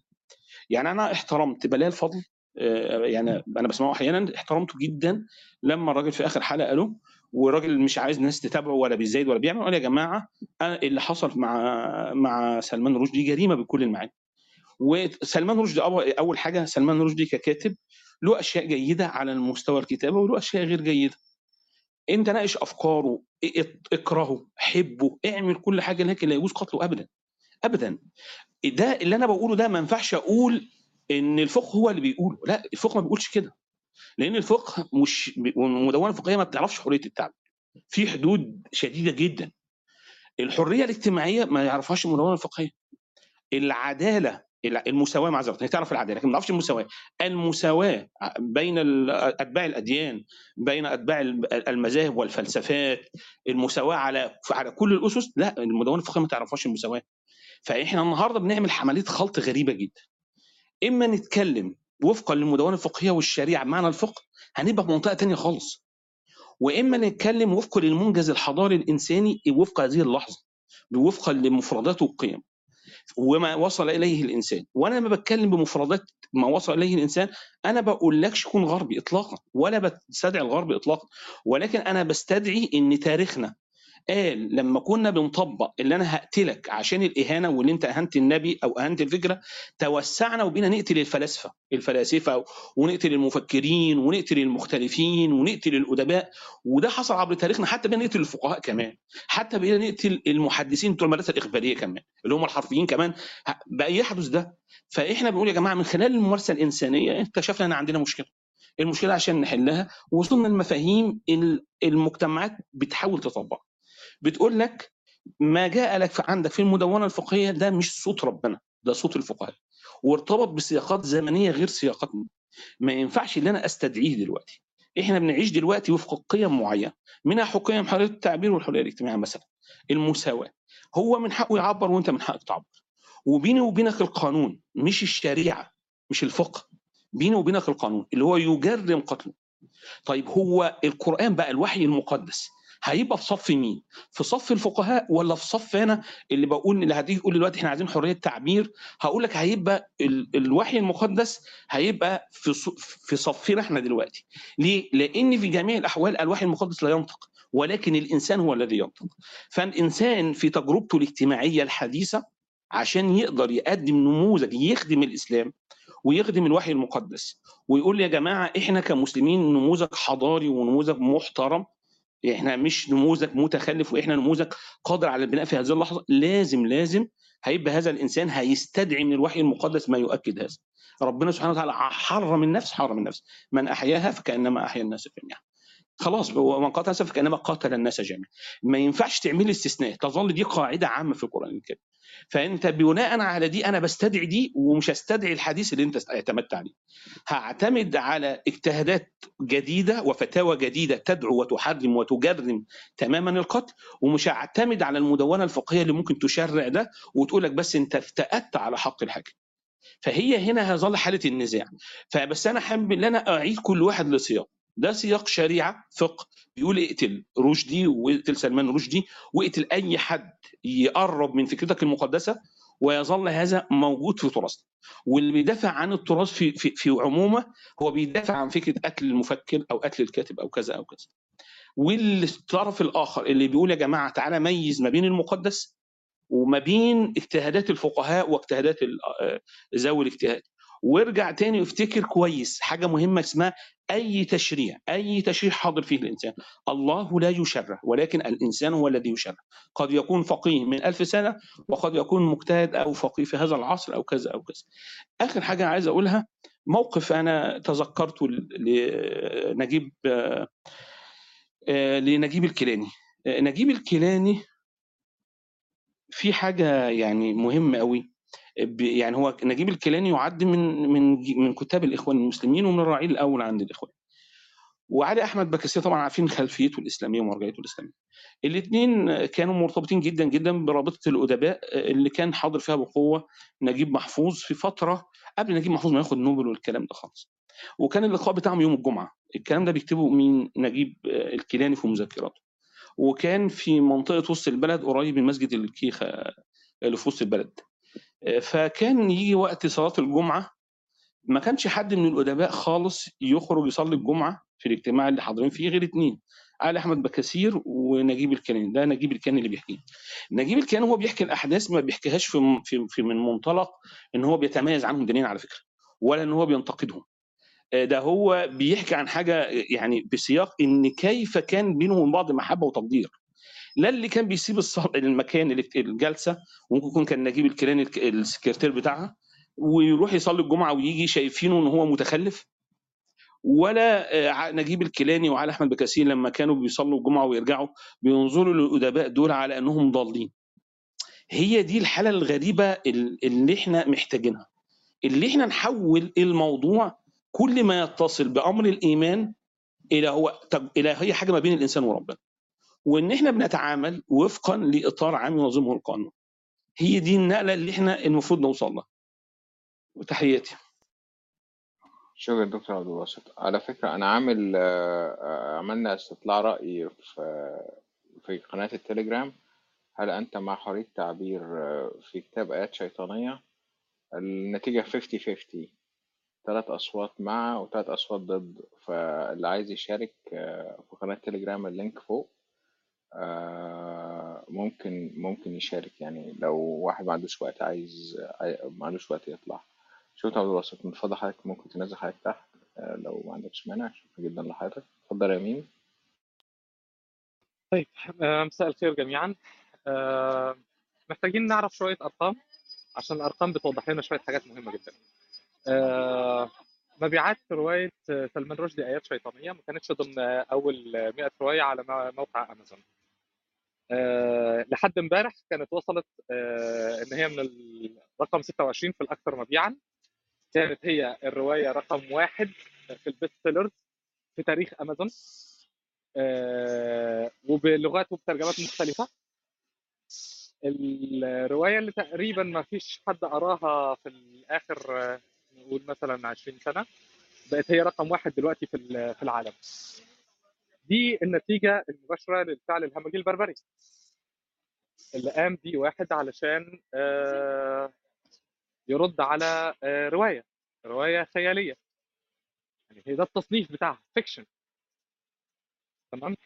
طيب آه، في نقطة تانية برضو مهمة جدا. مين طلب المسلم إنه يقبل آه، شتيمة الرسول أو النبي أو الله أو السخرية من آية القرآن مين طالبك إن أنت تقبل. محدش طلب منك تقبل على فكرة. بنقول لك إن الرفض بتاعك المفروض إنه يبقى من نفس جنس العمل. بس. يعني واحد كتب كتاب اكتب كتاب واحد آه، عمل آه، مظاهرة اعمل مظاهرة. واحد رفع لوحة ارفع لوحة. يا أخي اكتب 10 كتب. اعمل 10 مظاهرات. آه، عمل اعمل من نفس جنس العمل. واحد بيتكلم واحد بيكتب فانت كمان اتكلم واكتب. ما تروحش تمسك سكينة وتقتله بس مين قال لك إن أنت المفروض تقبل ده؟ ما حدش قال لك اقبل. ما حدش طلب منك إن أنت تقبل. أنا مش عارف جاي يعني كلمة آه، المطلوب مننا إن إحنا نقبل دي مش عارف مين جايبينها منين. بجد يعني مين طالب إن أنت تقبل؟ دي جاية منين دي؟ لا أرفض. وعبر عن رفضك. انتقد سلمان رشدي انتقد الرواية بتاعته. اعمل اللي انت عايزه بس من نفس جنس العمل يا عزيزي. هو ده بقى الفكرة. محدش طلبك إن أنت تقبل شتيمة النبي بتاعك. لأ ازعل واغضب وعبر عن غضبك دوت وعبر عن حزنك دوت وعبر عن ضيقك بالموضوع دوت عبر عنه. بس بالنفس جنس العمل. موضوع بسيط جدا. العين بالعين والسن بالسن المبدأ القديم جدا. هو واحد كتب كتاب اكتب كتاب. أجر واحد يكتب كتاب. ادفع لواحد يكتب كتاب. اطلع اشتمه يا سيدي. اعمل مظاهرة ضده يا سيدي. لكن تمسك سكينة وتستناه وتروح تقتله النتيجة المباشرة هي اللي إحنا شفناها ديت. إن في الحقيقة واقع المحصلة النهائية للموضوع إن آلاف الناس اطلعت على هذه المسبات مثلا يعني. وقرتها وبقت هي مسار النقد و و والصورة النهائية المحصلة النهائية للمسلمين بتهيألي كلكم شايفينها. ففي عندنا في عندنا في عندنا مشكلة. فعلا العقلية الإسلامية فيها فيها مشكلة. يعني أنت في ح... أنت في حالة حرب وعداء مع العالم كله؟ يعني مين بيقتل واحد النهارده علشان عمل كاريكاتير على عيسى ولا على موسى ولا على الله في المسيحية أو الله في اليهودية؟ مين بيروح يقتل واحد عشان كده؟ شارلي إبدو ما كانتش كانت جريدة tabloid صفرة ساخرة ما فيش عشرة بيقروها. بقت رمز لحرية الرأي والتعبير. أصبحت رمز لحرية الرأي والتعبير. وهي فعلا حرفيا حرفيا ما كانش في 10 بيقروها. كل الرسومات الكاريكاتو... الكاريكاتيريه اللي كانت فيها على Moses على Jesus على الله على السياسيين كانت تافهة. اتعملت إن هي إن التفاهه ديت بقت حرية راي بقت رمز من رموز حرية الرأي والتعبير في القرن الحادي والعشرين. ليه برضه؟ عشان واحد قرر إن هو ينفذ اللي هو عايز ينفذه دوت. واحد والتاني وبتاع. فالمحصله النهائية اللي قدامنا آه، بتقول إن الفعل ال- الانتقامي اللطيف الظريف اللي حصل ده آه، أدى إلى انتشار هذه المسابات بطريقة غير مسبوقة في تاريخ أمازون. السبايك اللي حصل في المبيعات بتاعه الرواية تبعا للسي ان بي سي والواشنطن بوست مش ملوش سابقة في التاريخ بتاع المبيعات بتاعه الكتب على على أمازون. وفي كل النسخ على ال Kindle وعلى ال- ال hard copy وال soft cover كله بتتباع بكل حاجة وباللغات كلها. هو ده هي دي المحصلة هي دي نتيجة هذا العمل. وبالمناسبة هل اغتيال ال- أو المحاولة الفاشلة لاغتيال آه، سلمان آه، رشدي. هل هتؤدي إلى الرد على الآخرين من إن هم يقوموا بفعل مماثل؟ يعني جاوبوا أنتوا بنفسكم على السؤال. لا.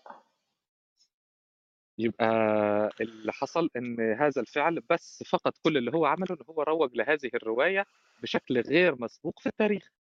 دي المحصله لو هناخد بالمحصله قريت الجحيم بتاع دانتي طيب لا لا ما قريتش الجحيم ما وهو قريتهاش وهو بيتكتب آه، في حد كده كان حاطط الأستاذ دانتي في دماغه جدا آه، كان قص كبير يعني الفترة دي وفضل طول الوقت ينتقده يعني. التاني طبعا انتقده وحطه في المرتبة السادسة تقريبا أو الرابعة في الجحيم يعني هو بهدله يعني. الفكرة إن هو كان بيقول إن دانتي بعد شوية وقت هينتهي وهو هيفضل. أنا لما لو سألتك على اسم الراجل ده وسألت خمسة في الروم مش متخصصين غالبا مش هينسوا لكن هو الكتاب بتاع دانتي فضل.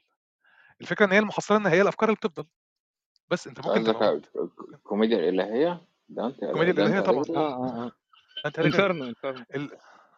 في كذا حد بالمناسبة كذا حد آه الراجل آه واجهوه. ويا جماعة قشات والله يعني ال- ال- القشات أنا عايز أفتحه بس مش يعني مش عايز أعمل في نفسي كده ولا أعمل في البيت كده بصراحة. لا لا والنبي بلاش والناس تبع والنبي بلاش الله يخليك. أو الناس بعتوا رسائل رسائل مهنجة أصلا. ميم أنت شايف يعني في الآخر إن آخر الحدوتة إن ال- الشخص اللي بيعمل ده بي... بيعمل دعاية صح؟ أعتقد أنت في مرة لا كلمة كلمه كنا بنتكلم فيها مفيش حاجة اسمها دعايه سلبيه آه لا غير موضوع الدعاية بقى. إحنا إحنا عايزين نروح لحتة تانية بقى في غاية الأهمية. من 200 سنة بس ما كانش لا المسلمين آه، ولا ممكن غيرهم كمان آه، يتخيل العالم بدون عبيد. وكان في فقه كامل عندنا اسمه فقه الجواري والعبيد. فقه كامل. وفي كل مذهب في كتب سودت في هذا الموضوع. آه، من 70 سنة بس ما كانش في حد في مصر ممكن يتخيل ان يتم تجريم ختان الإناث. العالم بيطلع لقدام. إن يفضل في مجموعة بشرية متمسكة بمفاهيم وقيم عفى عليها الزمن ضد كل الكوكب ده مش هيحصل. يعني ده ده ده مستحيل يتحقق. عجلة الزمن آه، المسار آه، الطبيعي لتقدم الحياة المسار الطبيعي لتقدم البشر بيأكد دايما إن إحنا بنطلع لقدام ما بنرجعش لورا. عزيزي المسلم مين. محدش قال لك اقبل. المرة المليون ارفض. عبر عن غضبك بنفس الوسائل بس لا أكتر ولا أقل. ما تروحش تقتل حد حبيبي. غلط كخ ما تعملش كده. أنا بعمل حاجة تانية. لما حد بيعمل حاجة زي كده بعمل له بلوك والله تزميم على كلاب هاوس وبره ما اتكلمش معاه. بس واضح إن الموضوع يعني موضوع السكينة ده بياخد وقت يا طويل أوي. سيدي عيد لو عيد خلصت اعمل اعمل كل اللي أنت عاي... اعمل كل اللي أنت عايزه طالما من نفس جنس العمل. ارفض مفيش حد بيقول آه آه في بالمناسبة لحظة بس يا نوية عشان كان في كلمة في... في... و... و... كنت محشورة في زوري. هو مين قال إن تركيا هي النموذج اللي المفروض إن إحنا نحتذي بيه في حرية الرأي والتعبير؟ يعني يعني مين مين مين مين حط تركيا مثال لأي حاجة؟ علشان موضوع حرق العالم العلمانيه أعتقد عشان العلمانيه أعتقد بتتكلم على العلمانيه كمال اتاتورك دوت ممكن يتقتل في الشارع؟ هو مين قال إن تركيا مثال أصلا؟ يعني أنا مالي ومال تركيا؟ ما... ما... ما... أنا مالي ومال تركيا؟ هو مين قال إن ال- إن الأتراك ده سلوكهم هو المفروض إن هو يحتذى بيه ولا أي حاجة؟ يعني أنا دي ما فهمتهاش برضو بصراحة. بس طيب شكرا لكم على حسن الاستماع. أنا نازل تحت اسمع جزاك بقى الله خير شكرا. شكرا في عجلة كانت معدية جنبك كان في حد بجرس تقريبا غير العجلة اللي بتتكلم بتاعت الزمن. ده تقريبا طيب أنا الناس هطلع الناس في اللي تحت. الناس اللي في إصلاح اتفضل. الرأي إصلاح الرأي تمانين في المية مع حرية في كتاب آيات شيطانية أربعين تصويت. أيوه عشان ميم كان فوق في فالروم كانت مقفولة. اصبر بس لما لما شوية بس كده لما نخش بيت الأصدقاء. اتقل. اتقل. طيب آه دكتور أحمد السيد صديقي اللي هو متنكر في اسم أحمد الصياد إزيك؟ أخبارك إيه؟ حبيب قلبي يا نوي ازي حضرتك؟ عامل إيه؟ ممكن تعيد دكتور الأرض جميل. الرمادية؟ عشان بحب أسمعها جدا منك. والله العظيم أنا بتكلم جد ماشي يا باشا. فعلا؟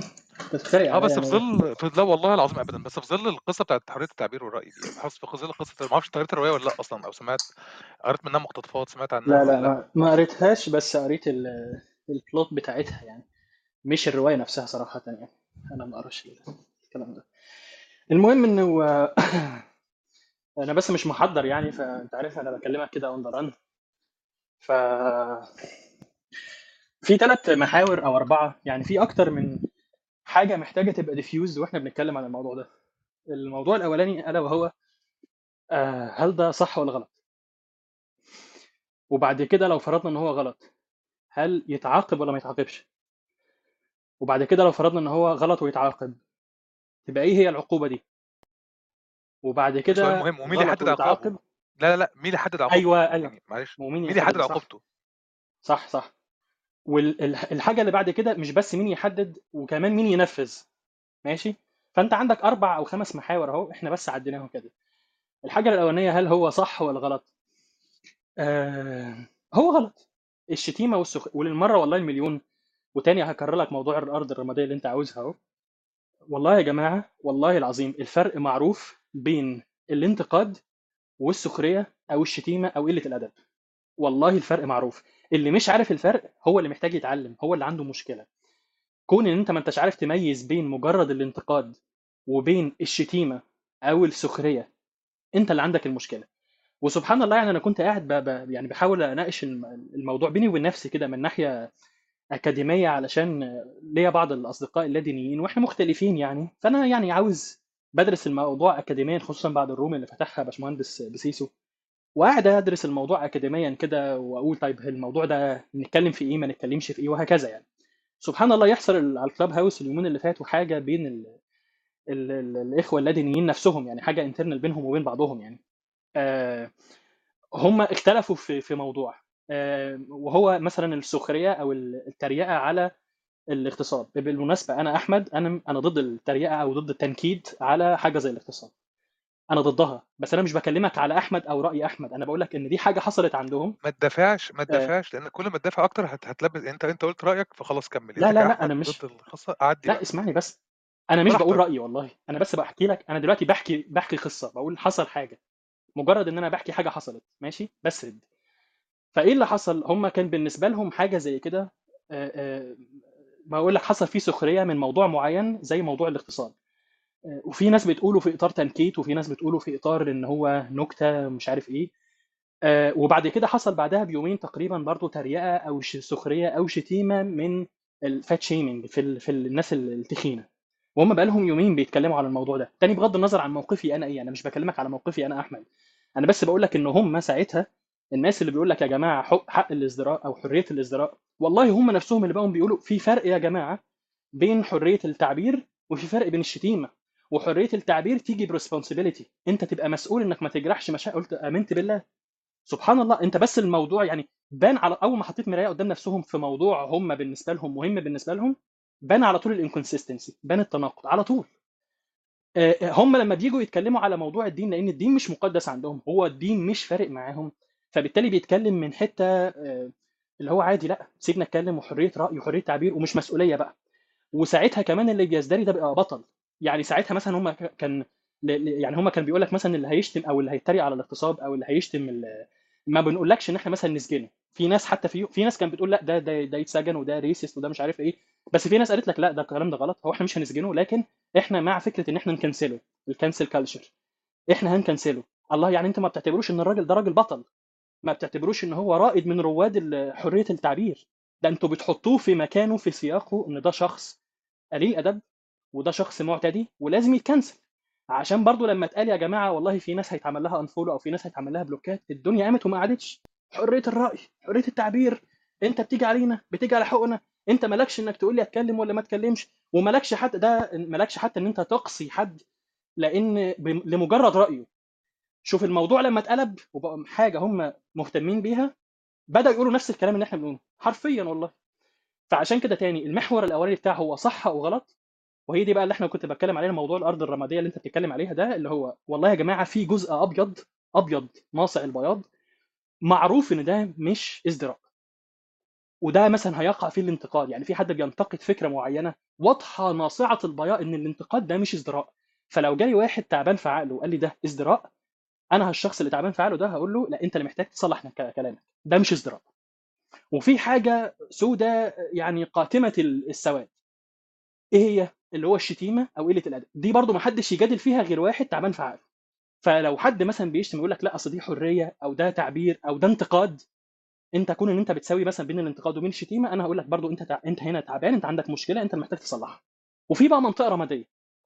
الأرض الرمادية اللي انت بتقولها يا نوي في أرض رمادية في النص. الأرض الرمادية دي تعالى بقى نتفق أو نختلف عليها. وحتى أنا بقول لك لو فرضنا إن 98% من كلامنا واقع في منطقة الأرض الرمادية. إحنا ما إحناش عارفين نحدده هو صح ولا غلط. أنا قابل أنا أحمد قابل تعالى نقعد ونتفق عليه. ما عنديش مشكلة. بس على الأقل حط إيدك في إيدي وقول لي أيوه أنا أحط إيدي في إيدك وأقول لك في حاجة مش معتبره ازدراء وأنت تحط إيدي في إيدك وتقول لي في حاجة معتبره ازدراء. وساعتها إحنا ممكن نتكلم في المنطقة الرمادية. نحدد بقى إيه ننطلق. يعني إحنا كده وقفنا على ارضيه مشتركة اللي هو الأبيض والأسود وننطلق منها إلى اللا مشترك اللي هو الرمادي. أدي موضوع ال- أدي أول محور اللي هو ده صح ولا غلط؟ فبالتالي لو كان في شتيمه محاور عشان بس هقول حاجة لطيفة كده هقول حاجة لطيفة كده. التعليق على كلام الناس عندي عموما مش مسموح. فأنا حاسس إن في ناس كتير عمالة ترفع إيديها وفي ثلاث أصدقاء طلعوا عشان خاطر تقريبا يردوا على القصة. له يرد على كلام أحمد غالبا هيبقى من الموضوع مش مش لطيف مش هنسمح بده. فكمل المحاور اللي عنده إضافة على الكلام بتاعه أهلا وسهلا لأن لو سمحت لكل الناس إن هي تعلق على كل الناس مش هيحصل عدل في القصة. لأن في ناس هتعلق على ناس عاملة لبعض بلوكات والموضوع هيقلب خناقة وأنا أصلا كنت عايز أخرج بره موضوع ال- القايمة والحاجات دي كلها وأنت ما اتكلمتش عليه أنت اتكلمت على حاجة تانية ليها علاقة بحريه الراي والتعبير في منظور وعشان خاطر سمحت للأستاذ الدكتور حسن فسمحت لك إنك تتكلم فيه. فاخرج وكمل في موضوع الروم. ممكن؟ بعد إذنك. اتفضل أخي حقيقي والله أنا حقيقي ما سمعتش العزيز الدكتور أنا حسن عشان الدكتور أنا حسن عارف معزته آه، عنه يعني أنا ما سمعتش هو قال إيه. بالظبط. لا لا لا لا خلاص خلاص. هو كان آه، اتكلم برضه في لكن تاني بشكل والله واضح مش وأنا أنا قطعته كذا مرة فأنا بقول لك إن بشكل واضح أنا عندي بس مشكلة إن تمام. أنا أخش أروح للحتة دي الحتة دي تمام تمام. لا لا خالص تحت أمرك. بص ما عنديش والله أنا أصلا أنا الامر أنا لا لا لا استغفر الله لما سردت هذا لما سردت الموضوع ده يا نوي أنا ما كنتش بجيبه عشان نناقش آه، نفتح الدفاتر القديمة حتى بتاعت اليومين اللي فاتوا. مش ده قصدي والله. أنا بس قصدي يا جماعة إن المحور الأولاني بتاع تصح ولا غلط؟ الشتيمة أو السخرية أو الاستهزاء صح ولا غلط؟ هو غلط. ده المحور الأولاني. فقلت صح. لما بيبقى الموضوع مقدس عند أي حد بتبان على يعني الموضوع مش بدعة يا جماعة. عشان بس ما تقعدش تقول لي انت إزاي بتتنرفز أو إزاي بتسأل. لا هو مش بدعة. أي حد عنده أي حاجة مقدسة لما بتتهان بيتضايق وبيزعل وبيعتبر إن ده غلط. جميل؟ فدي أول محور. خلصناه. أول محور اللي هو ده صح ولا غلط؟ المحور اللي بعد كده طب هو لو غلط يتعاقب ولا ما يتعاقبش؟ تاني كل دولة تاني علشان أنا بقول لك الموضوع ده مش بدعة. أي دولة عندها أي حاجة مقدسة على حسب درجة القدسية بتاعتها بتبدأ هي تحط لك القوانين بتاعتها. والله أنا هتسامح مع ده أو مش هتسامح وهعاقبه أو مش هعاقبه. الموضوع ده مش حصر على الإسلام ولا المسلمين فقط الموضوع ده في كل الدول. زي ما ناس ضربت المثال بالمناسبة يعني أنا برضو مش بضرب لك المثال بتركيا في ال- الفلاج ديسكريشن ده موجود في فرنسا له قانون في فرنسا وأعتقد كمان له قانون موجود في أمريكا تقريبا يعني لو أنا مش لو أنا مش مش مش واهم. وهات أي حد قانوني يسأله في الموضوع ده فلاج ديسكريشن أو إن أنت تتكلم أو تشتم ال ال ال الجنود جنود الجيش أو تشتم حقيقة تاريخية معينة بغض النظر. برضو أنا مش بضرب لك مثال عشان نفضل إيه نمسك في مثال أو في دولة معينة ونفضل مسكين فيه. أنا بقول لك إن من حيث المبدأ كل الناس عندها هذا المبدأ. اللي هو أنا لو حاجة عندي مقدسة بدرجة معينة أنا هحط لها عقوبة. أنا لسه هجي لك في المحور الثالث أو المحور الرابع اللي هو إيه هي العقوبة أو تتعمل أو ما تتعملش لكن أنا بكلمك من حيث المبدأ. من حيث المبدأ إن لو حاجة مقدسة عندي وأنا قررت لها عقوبة ده مش بدعة ده العالم كله بيعمله في كل وقت وفي كل زمان وفي كل مكان. الموضوع ملوش علاقة بعفى عليه الزمان ولا عفى عليه المكان لا ما عفاش. الناس كلها بتعمل ده. هتحطه بقى في anti-Semitism laws هتحطه في في hate speech هتحطه في في فلاج آه، آه، في في في, إن حد مثلا بيهين العلم أو بيحرق علم هتحطه في في سب مثلا قائد أو زعيم هتحطه في سب حاجة شيء ديني مقدس عندهم ايا كان. القصد إن المبدأ مفهوم بيحصل مش ما بيحصلش. فدي تاني محور. تاني محور اللي هو لو عندك حاجة مقدسة وحبيت تحط على لو أنت عاوز تتسامح معاها تسامح أنا بقول لك ده برضه بيحصل. بس أنت مش عاوز تسامح معاها وعاوز تحط لها عقوبة دي مش بدعة. لا دي بتحصل. ولسه لغاية 2022 بتحصل. ما هيش بدعة. فده المحور الثاني المحور الثالث طيب لو فرضنا إن هو غلط في المحور الأولاني إن هو غلط والمحور الثاني إن هو يستحق العقوبة يستاهل العقوبة. إيه هي العقوبة؟ أو مين اللي يحدد العقوبة؟ السؤال اللي أنت كنت بتقوله يا نووي. مين اللي يحدد العقوبة؟ تاني برضو كل دولة بناء على الدستور بتاعها بقى أو القوانين بتاعتها بتقعد تحدد ده. فتاني الموضوع مش بدعة مثلا يعني المسلمين لو بيعتبروا إن هم بيلجأوا للشريعة بتاعتهم هيلاقي الحكم بتاعه وهات بقى أي شيخ اسأله اسأله عن حكم شرعي في الموضوع ده. وبالمناسبة يعني كلام الدكتور العزيز عبد الباسط لما بيتكلم آه، أنا صراحة عندي مشكلة مع أي حد ما بيقدرش يحط لي معيارية. يعني لما هو بيقول لي إن الموضوع يخضع للآراء شكرا جزيلا. أنت رأيك؟ وبين إيه، رايي آه الاثنين عارف أنت؟ كده آه تمام. آه أنا بس عايز واللي أنت عارف في كام آه واحد في كام واحد عايز يطلع يعلق على رأيك وفي كام حد هيطلع يعلق على دكتور آه أنت عارف يعني إحنا كده بص أنا أنا حرفيا لا مش بعلق ارجع والله. للتوبيك طيب أنا فاهم قصدك. أنت حاضر. أنت قلت تعليق بسيط بالعكس. لا لا والله مش بقمعك يعني. أنا آسف. لا ولا يهمك. حاضر. أنت قلت حقك تدير الروم هو بالشكل آه اللي أنت تحبه على راسي أنا مش مش مش لا لا خالص أنا بس عايز أفهم. يعني أنا أنا في كذا حد تحت عايز يطلع. ناس كتيرة جدا رفعوا إيديها في حوالي مثلا 10 أو 12 واحد رافعين إيديهم وأنا عايزهم يطلعوا كلهم. فأنا بس آه، أنت قلت النقطة هو بتاعتك هو عبد للأمانة يا أنا متفاهم إن الكلام اللي أنا هقول يعني مثلا ال- الكلام اللي كان آه، العزيز مين بيقوله قبلي ما هو هي... هينسباير بعض الردود عندي. الكلام اللي الدكتور عبد الباسط قاله أنا مش بوجه رد عليه اللي هو أنا برد عليه عشان هو يطلع يرد عليا. لكن أنا متوقع طبعا إن الكلام اللي أنا هقوله في ناس من المتحاورين اللي هيجوا بعدي آه، سواء اللي موجودين على ال panel دلوقتي أو اللي لسه هيجوا لو حد سمع الكلام هيضطر يرد عليه أو هو عاوز يرد عليه. فأنا أنا شايف إن ده مش مش غلط بس أنت أنت حر يعني أنت دير ال room بالطريقة اللي أنت عاوزها. طالما ما فيش اللي آه أنا ممكن في الآخر خالص في الآخر خالص في الآخر خ- آه في الآخر خالص ممكن الموضوع ممكن أعمل ده لكن أنا دلوقتي مهتم بالفكرة الفكرة الرئيسيه طيب. وعشان زي, زي ما قلت فاحنا لك في ورقه كده في كتير ال- عايز أعرفها فأنا الفكرة بقى الرئيسيه آه أنت كده أصلا آه نقطتين ناقص كمان نقطتين. وقف آه جاوب بس على السؤال في آه. الآخر. يعني جاوب على السؤال في الآخر. تمام. فيبقى إحنا كده وصلنا للمحور الثالث اللي هو انت هتحدد له العقوبة بناء بقى على القوانين بتاعتك على الدستور بتاعك على المبادئ الدستورية بتاعتك ولا المبادئ العليا بتاعتك حددت انت العقوبة. تاني يا جماعة مش بدعة. ويعني بالمناسبة على موضوع إن هو لازم يبقى العقوبة من جنس العمل طب مثلا لو حد حرق العلم أجيب الفانيلا بتاعته وأحرقها؟ ما هي بتتحسبش كده. لو حد سرق مثلا مليون دولار هسرق منه مليون دولار؟ لو حد اغتصب حد هجيبه واغتصبه؟ لو حد اغتصب بطفل هجيب طفل ابنه مثلا واغتصب ما بتتحسبش كده هي ما بتتقاس كده. وتاني هات أي حد قانوني من الناس اللي بيحطوا القوانين آه، ما أعرفش في متخصصين على الكلاب هاوس هات أي حد قانوني واساله يا جماعة موضوع القوانين ده بيتكتب إزاي وإيه المعياريه اللي بتقال وهل موضوع جنس العالم ش... جنس العمل ده شرط ولا مش شرط؟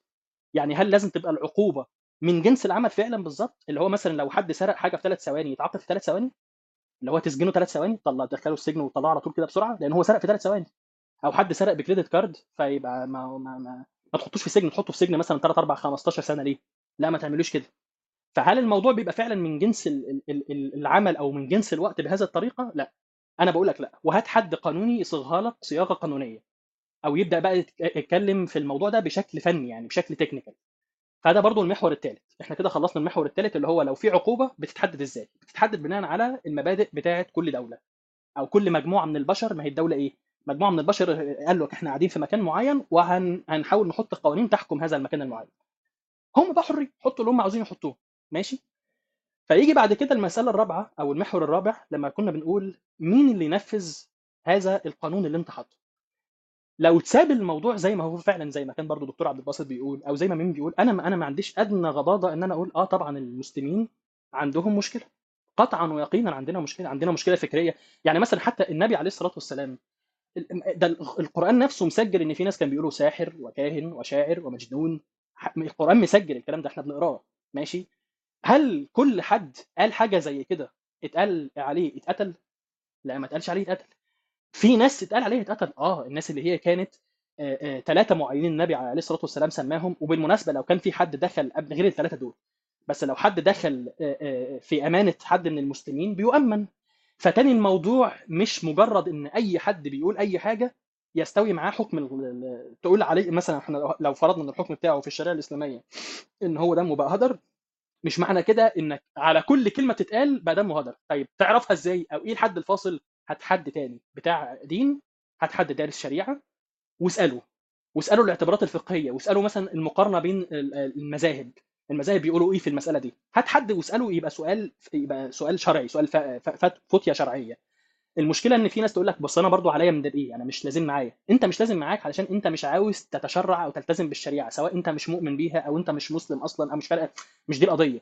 بس في ناس مؤمنين بهذا الدين وفي ناس مؤمنة بهذا الشريعة. في ناس يعني في ناس مؤمنة فبالتالي ال- السؤال ده من ناحية شرعية هاممهم. فما تقولش هو مش همك هو مش همك قشطة والله. ما تخشش أنت في ال conversation دي. يعني لو فرضنا إن نووي جاب حد شيخ بيسأله والله يا جماعة الرأي الشرعي بيقول إيه؟ أنا كأحمد interested هقعد أسمع. اللي مش interested ما يقعدش يسمع. لكن ما تقولش إن إحنا ما نناقش الموضوع ده يعني دي مش برضو مش بتاعتك مش حتتك. لأن أنت ما أنتش interested تاني أنت لما ارجعوا تاني لأول محور أنا قلته لو الموضوع بيمس حاجة مقدسة عندك أو حاجة مهمة عندك هتتكلم فيها وتتكلم فيها للصبح. مش هيبقى عندك أي غضاضة إنك تتكلم فيها. وتاخد آراء رايحة جاية. المشكلة إن أنت علشان ما أنتش مهتم بده أو أنت مش فارق معاك ده فبتبدأ تبص لها من ناحية اللي هو indifferent شوية على الأقل يعني. ده لو أنت ما كنتش كمان إيه ضدها. فاللي هو لأ انت ما تعملوهاش. فعشان كده بقول لك لو هي مهمة بالنسبة لمجموعة من البشر لأ محتاجين يتكلموا فيها. فزي ما قلت لك في المحور الثالث هات ناس قانونيين واسألهم. البناء القانوني مثلا هل العقوبة لازم تبقى من جنس العمل فعلا؟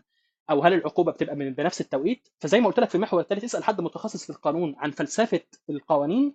هات برضه حد متخصص في دي ما إحنا بنتكلم بقى في حكم شرعي دلوقتي واسأله في الحكم. اسأله في الحكم بتاعها الشرعي وشوف التأصيلات بتاعة المذاهب. وبالمناسبة تاني لو حد بيقول مجرد إن هو رأي ودي آراء في رأي رجال يعني لو بقت رأي رجال ما أنت كمان رجل وأنت ليك رأيك صح؟ أنا ألتزم بكلامك ليه؟ أنت ما تدينيش معيار واحد يخليني ألتزم بكلامك.